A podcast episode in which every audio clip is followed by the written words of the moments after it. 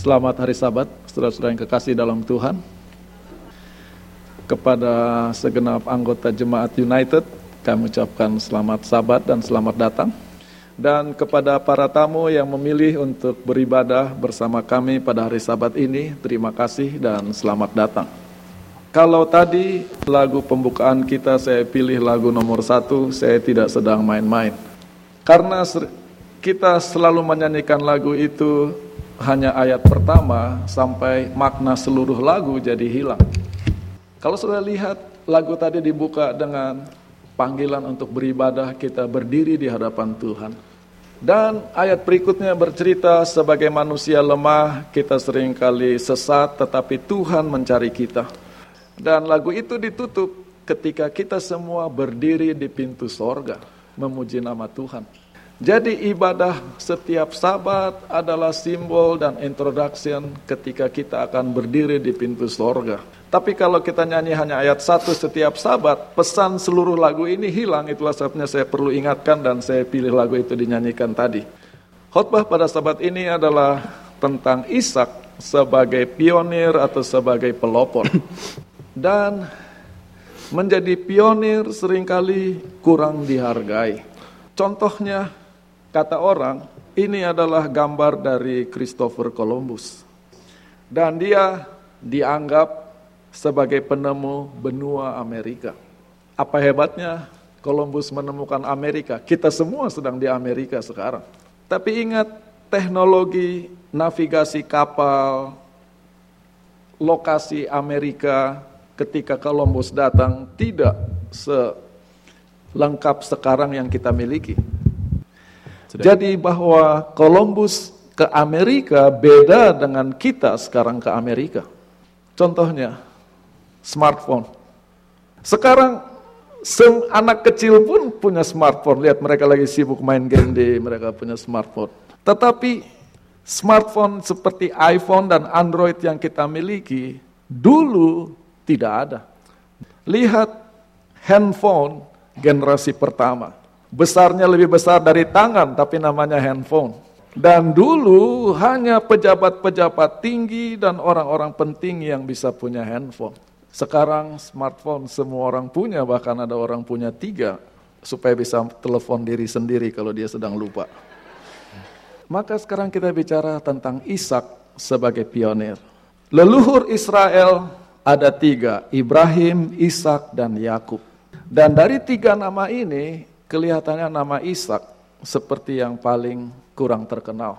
Tetapi sebetulnya Ishak mempunyai reputasi yang sangat kuat dan hebat di Alkitab. Yaitu Ishak sebagai pionir di dalam cinta atau kasih. Dan saya khotbah ini oleh karena sekarang dalam suasana Valentine. Dan saya ingin jelaskan gereja Advent tidak merayakan Valentine. Sedangkan kematian Yesus orang Advent tidak rayakan, kebangkitan Yesus orang Advent tidak rayakan, apalagi Valentine. Tetapi karena suasananya Valentine, mungkin saudara lebih siap mendengar cerita cinta dibanding saya cerita tentang ini pada hari lebaran. Dan ayatnya ada di kejadian 24 ayat 67. Saya akan baca dalam Alkitab bahasa Indonesia. Lalu Ishak membawa Ribka ke dalam kemah Sarah, ibunya, dan mengambil dia menjadi istrinya. Ishak mencintainya dan demikian ia dihiburkan setelah ibunya meninggal. Kata cinta muncul pertama kali di Alkitab di ayat ini. Dan kalimatnya adalah dan dia mencintai dia and he loved her. Sadarkah saudara bahwa kata cinta di Alkitab yang menggambarkan hubungan pria dan wanita sangat jarang muncul. Yang banyak adalah sesama umat Tuhan harus mencintai. Tetapi hubungan pria wanita sangat jarang muncul di Alkitab. Dan kita akan melihat Ishak sebagai pionir ketika membandingkan bagaimana ayat kata ini muncul di ayat-ayat lain. Raja Sulaiman mencintai. Tapi berapa yang dimiliki? Banyak perempuan asing. Mencintai tetapi yang dicintai banyak perempuan. Sementara Ishak adalah satu-satunya leluhur Israel yang monogami. Dia hanya cinta istrinya dan dia tidak punya wanita lain dalam hidupnya. Itulah sebabnya Ishak adalah pionir. Lihat bagaimana kata cinta muncul di ayat lain. Rehoboam mencintai Maaka lebih dari istri-istri dan simpanan-simpanannya yang lain. Tetap istrinya banyak. Ishak adalah unik. Dan sekarang kembali kita baca Kejadian 24 ayat 67. Coba bandingkan Alkitab bahasa Inggris dengan Alkitab bahasa Indonesia. Di Alkitab bahasa Indonesia, bahasa Inggris dikatakan Ishak membawa dia ke tenda ibunya, ke tenda Sarah. Dan dia mengambil Ribka. Kalau kalimat yang benar harusnya seperti bahasa Indonesia. Ishak membawa Ribka, baru mengambil dia menjadi istrinya. Kenapa Alkitab bahasa Inggris menggunakan Ishak membawa dia baru mengambil Ribka? Karena ayat ini sedang menceritakan sesuatu yang penting. Bahwa kalimat and he took Rebecca and she become his wife sedang menggambarkan upacara perkawinan resmi. Jadi tenda Sarah adalah lokasi perkawinan dan dia mengambil dan karena ini penting, siapa yang diambil jadi istri? Ribka. Itulah sebabnya nama Ribka muncul di situ. Dan Ribka menjadi istrinya. Dan apa yang terjadi? Setelah Ribka menjadi istrinya, Ishak mencintainya. Karena banyak orang cinta membara waktu pacaran, perkawinan adalah awal kematian cinta. Ishak adalah pionir, justru cinta mulai membara ketika perkawinan dimulai. Saya ingat satu cerita orang Amerika mengejek orang India karena orang India kalau kawin dijodohkan. Bagaimana kamu kawin dengan orang yang kamu tidak kenal? Orang India itu jawab, perkawinan orang Amerika itu ibarat sop panas di atas kompor yang mati. Dengan berjalannya waktu, sup itu makin dingin. Kami seperti sup dingin yang ditaruh di atas kompor menyala. Berjalannya waktu makin mendidih dan makin panas. Boyong. Lihat ini. Ishak setelah mengawini Ribka dan dia mencintai istrinya. Sadarkah saudara bahwa kalimat and he loved her dan dia mencintai dia di seluruh Alkitab hanya muncul dua kali. Bahasa Ibraninya YEHBH dan ini muncul hanya di cerita Ishak dan di cerita Tamar dan Amnon. Dan bahwa kalimat ini dalam bahasa Ibrani hanya satu kata, muncul hanya dua kali di Alkitab, mengundang kita untuk membandingkan cerita mereka. Dikatakan bahwa Amnon mencintai Tamar. Maka pertanyaannya, cerita cinta macam apa yang terjadi di antara mereka? 2 Samuel 13 mulai ayat 1. Absalom mempunyai adik perempuan yang cantik yang namanya adalah Tamar dan Amnon anak Daud mencintai dia. Lalu apa yang dilakukan oleh Amnon? Amnon tidur dan pura-pura sakit. Lalu waktu Tamar disuruh Daud datang menjenguk abangnya, Amnon mengatakan supaya Tamar bawa makanan ke kamar tidur dan minta disuap. Dan ketika Tamar datang, berkatalah Amnon, mari tidurlah dengan aku, adikku. Lalu Tamar menjawab, tidak kakakku, janganlah mencemari aku. Hal seperti ini tidak dilakukan di Israel. Dan hal yang memalukan seperti ini tidak pernah terjadi. Dan kalau ini terjadi, ke mana saya harus menyembunyikan aib saya? Bicara baik-baik kepada raja, dia akan memberi saya sebagai istrimu. Jadi Tamar coba bicara kepada Amnon. Tetapi Amnon sangat mencintai Tamar. Apa yang dilakukan? Tetapi dia tidak mau mendengarkan dia karena dia lebih kuat dari Tamar, maka dia mencemari Tamar dan meniduri Tamar. Cerita cinta menjadi cerita perkosaan. Dan kalau ceritanya berhenti di sini sudah mengerikan. Tapi yang kejadian seterusnya lebih mengerikan lagi. Amnon sudah dapat Tamar, maka sekarang Amnon membenci Tamar dengan benci yang amat sangat, lebih besar bencinya daripada cinta yang dimilikinya. Lalu Amnon berkata kepadanya, bangun, pergi, diusir, karena sudah dapat.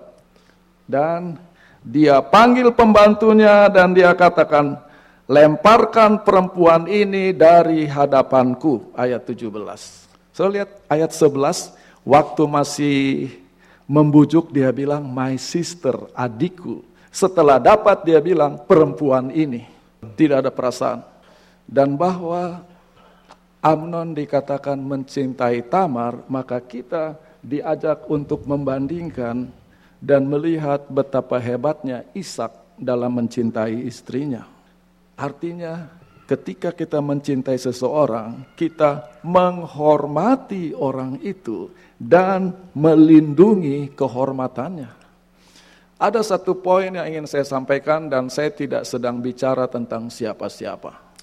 Sebagai pendeta, berkali-kali saya dengar ada orang bilang begini, saya selalu nasihati kepada anak-anak perempuan saya, jangan berikan tubuhmu kepada pacarmu, karena kalau sudah dapat, kamu tidak akan dihormati lagi. Dan bahkan ada rumah tangga yang sedang bermasalah, lalu istrinya menjawab, mungkin karena kami menikah karena hamil, suami saya tidak hormati saya. Sebetulnya kalimat itu tidak benar.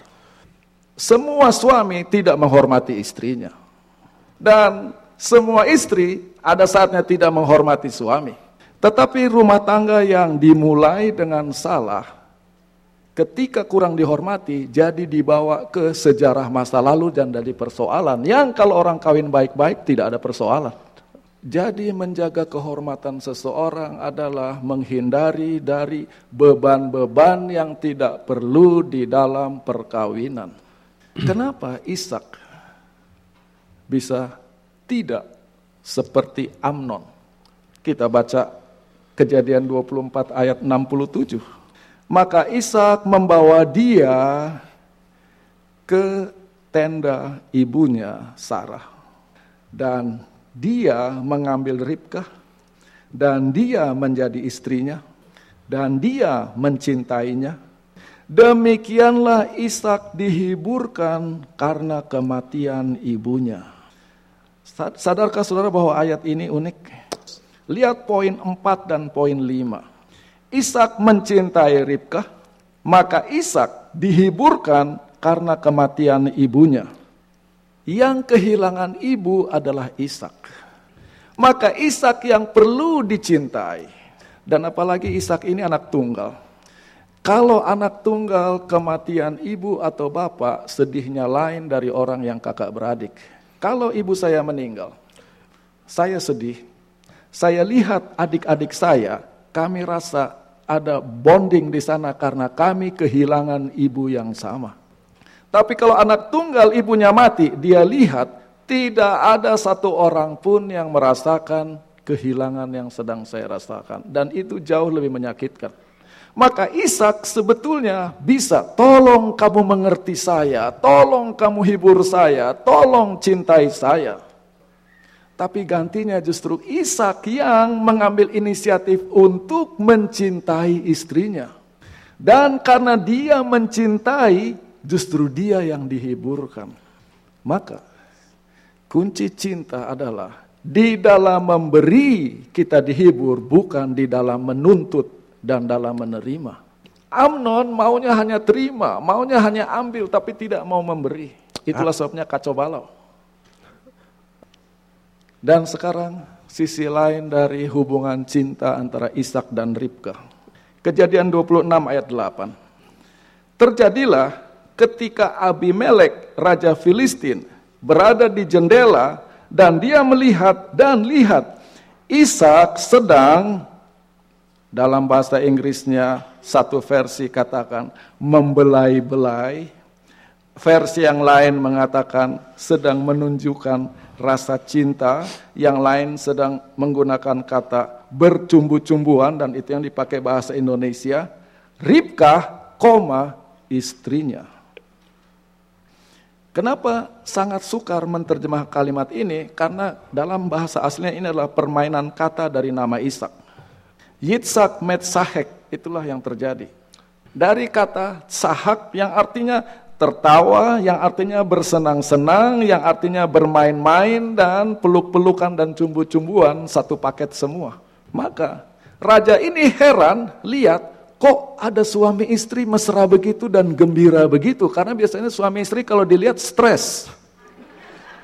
Seringkali setelah kita kawin kita tidak lebih dari partner untuk bayar bill dan membesarkan anak-anak sampai lupa menikmati dan bersenang-senang seperti masa dulu. Dan itu sebabnya Alkitab sangat cerdas. Dia lihat bahwa Ishak sedang bersenang-senang, ketawa-ketawa, peluk-peluk, cium-cium, Ribkah, koma, istrinya. Karena banyak pria, kalau mau senang-senang dengan wanita lain, begitu ketemu istri langsung dingin seperti es. Sekarang sudah lihat bedanya Ishak dari Amnon. Sangat kontras. Ishak mencintai Ribka setelah menikah dan sebagai istri dia nikmati istrinya. Amnon mau menikmati Tamar sebelum kawin dan setelah dapat dia benci, lalu dia usir dan dia tidak mau kenal lagi. Jadi Ishak adalah pionir. Pionir di dalam mencintai. Satu lagi, Ishak berdoa untuk istrinya. Mencintai seseorang adalah berdoa untuk orang itu. Kalau kita baca di kejadian 25 ayat 20 sampai 21. Ishak berumur 40 tahun ketika dia menikah dengan Ribkah anak Betuel orang Aramean Padan Aram, saudara atau adik dari Laban orang Aram. Ishak berdoa kepada Tuhan untuk istrinya, koma, karena dia mandul. Saya lihat susunan logika ayat ini. Kalau mau normal, dikata Ribkah mandul, maka Ishak suaminya berdoa untuk dia. Ini yang terjadi. Sebelum Ribkah mengeluh akan hal ini, sebelum mereka sadar akan hal ini, Rib, uh, Ishak yang sensitif terhadap ke keadaan istrinya, dia inisiatif untuk mendoakan istrinya. Dan kita perlu hargai betapa mahalnya ayat ini. Lihat kejadian 11 dalam keluarga Ibrahim dan Sarah. Sarah mandul dan tidak punya anak. Kejadian 16 katakan, maka Sarah istri Abram mengambil Hagar orang Mesir, budak perempuannya dan memberi dia kepada Abram suaminya sebagai istri. Lalu Abram meniduri Hagar dan perempuan itu hamil. Kenapa sampai Sarah begini? Saya minta maaf kalau saudara tersinggung karena Ibrahim tidak mendoakan istrinya. Dan waktu istrinya tawar-tawarkan perempuan lain dengan senang hati dia terima. Tapi lihat Ishak di sini. Dia tahu istrinya belum bisa hamil, dia inisiatif mendoakan istrinya. Dan Ribka bukan tipe wanita pasif, dia adalah wanita yang agresif. Ingat dia yang atur bagaimana Yakub bisa curi berkat dari Esau. Tetapi di dalam kemandulannya kenapa Ribkah tidak melakukan apa-apa? Karena suaminya yang aktif di dalam mendoakan dia. Lihat yang lain. Kejadian 30. Ketika Rahel melihat bahwa dia tidak bisa memberi anak kepada Yakub, maka berkatalah dia, "Ini Bilha, pembantuku hampirilah dia. Maka Yakub menghampiri perempuan itu dan Bilha hamil. Lihat, Yakub tidak mendoakan istrinya. Ishak adalah satu-satunya suami yang mendoakan istrinya di Alkitab. Mereka yang mencintai pasangannya adalah mereka yang berdoa untuk pasangannya. itulah Ishak diangkat menjadi leluhur Israel karena di dalam teladan berumah tangga orang Israel tidak melihat kepada Ibrahim, tidak melihat kepada Yakub yang mereka lihat adalah Ishak. Lebih jauh lagi kita baca di kejadian 26. Di ayat 34 dan 35 diceritakan bahwa Esau berumur 40 tahun waktu dia menikah. Hebatnya, begitu kawin, dua istri sekaligus. Judith, anak Beeri orang Heti, dan Basmath, anak Elon orang Heti. Lalu apa yang dilakukan Esau ini dikatakan, dan mereka membawa kepedihan hati kepada Ishak dan Ribka. Bahasa Indonesia terjemahannya kedua perempuan itu. Tetapi kata mereka, kata they adalah bicara tentang apa yang Esau lakukan, apa yang dipraktekannya, istri yang dia ambil, semua itu membawa kesedihan hati. Yang istimewanya, ketika mereka sedih, Alkitab menulis Ishak dan Ribka. Kelihatan suami istri sebagai satu tim. Jadi mereka menghadapi kesusahan bersama-sama dan saling menghibur dan saling menguatkan satu sama lain bersama-sama. Kenapa ayat ini penting? Kita lihat contoh lain. Dina di kejadian 34, anak Lea yang dilahirkannya bagi Yakub keluar untuk mengunjungi anak-anak perempuan di negeri. Ketika Sekem, anak Hamor, By the way, Hamor artinya keledai, uh, donkey. Jadi ini memang anaknya donkey, he behave like monkey. Uh, uh, pangeran di negeri itu melihat dia, mengambil dia, dan meniduri dia dengan paksa. Jadi Dina, anak Yakub diperkosa. Diperkosa ketika Yakub mendengarkan bagaimana Dina sudah dicemari, Yakub berdiam diri. Lihat perbandingan kedua ayat ini. Dina punya orang tua, yaitu Lea dan Yakub. Tetapi ketika Dina ada problem, di mana Yakub dan Lea sebagai tim? Ayatnya muncul, Yakub mendiamkan hal ini, Lea sebagai tidak ada. Kenapa? Menunjukkan hubungan suami istri yang tidak sehat. Karena Yakub punya istri bukan hanya Lea, ada istri-istri lain. Jadi mereka punya komunikasi sangat buruk. Tetapi Ishak dan Ribka sedih bersama-sama sebagai tim. Contoh yang lain. Kembali ke cerita Amnon dan Tamar tadi. Ketika Raja Daud mendengar apa yang dilakukan oleh Amnon, ayat 21 dari 2 Samuel 13 mengatakan, maka Ketika Raja Daud mendengar semua hal ini, dia sangat marah. Kembali, Raja Daud marah-marah sendirian. Mana istrinya? Karena istrinya banyak, jadi mereka tidak satu tim. Sedangkan Ishak dan Ribka adalah satu tim. Maka apa yang terjadi mengingatkan saya kepada ayat di Pengkhotbah pasal 4 ayat 9 dan 10. Berdua lebih baik daripada seorang diri.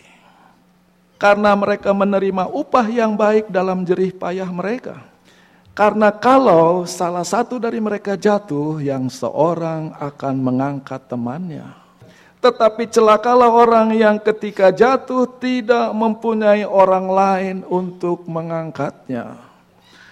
Lihat tadi, Yakub punya problem, anak perempuannya diperkosa orang.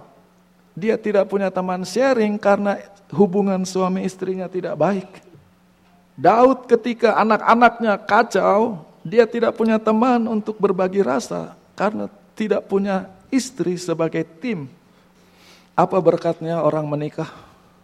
Ketika yang satu jatuh, ada yang satu untuk mengangkatnya dari kejatuhan. Dan ini yang terjadi kepada Ishak. Ketika dia berduka cita karena ibunya meninggal, perkawinannya adalah sumber penghiburan bagi dia. Dan ini adalah berkat bagi Ribka. Ketika dia mendapati dirinya tidak mampu untuk hamil, suaminya berdoa bagi dia. Dan inilah berkatnya bagi mereka berdua. Ketika anak mereka tidak perform dan menjalani hidup yang berbeda dari yang mereka harapkan, mereka bersedih bersama-sama sebagai tim. Itulah sebabnya Ishak adalah pionir, pionir dalam cinta. Bagi banyak orang muda, pertanyaan terbesar dalam hidup adalah menemukan cinta sejati. Karena kalau saya menemukan cinta yang sejati, saya siap untuk kawin. Tetapi sebetulnya pertanyaan menemukan cinta sejati dan bisa menikah itu hanya puncak dari gunung es. Di bawahnya ada banyak pertanyaan-pertanyaan lain yang harus kita sanggup untuk jawab. Bagaimana bisa menemukan cinta sejati? Kita harus menjadi pribadi yang lebih baik. Karena kalau pribadi saya tidak baik, sebesar apa pun orang mencintai saya, cerita cinta itu pasti gagal karena saya tidak siap untuk dicintai. Ishak yang inisiatif mencintai Ribka, Ishak mau keluar dari dirinya, maka dia siap untuk dicintai. Dan pertanyaan, bagaimana supaya saya bisa kawin? Pertanyaan berikutnya lebih susah lagi, bagaimana untuk tetap kawin? Itu lebih susah daripada bisa kawin.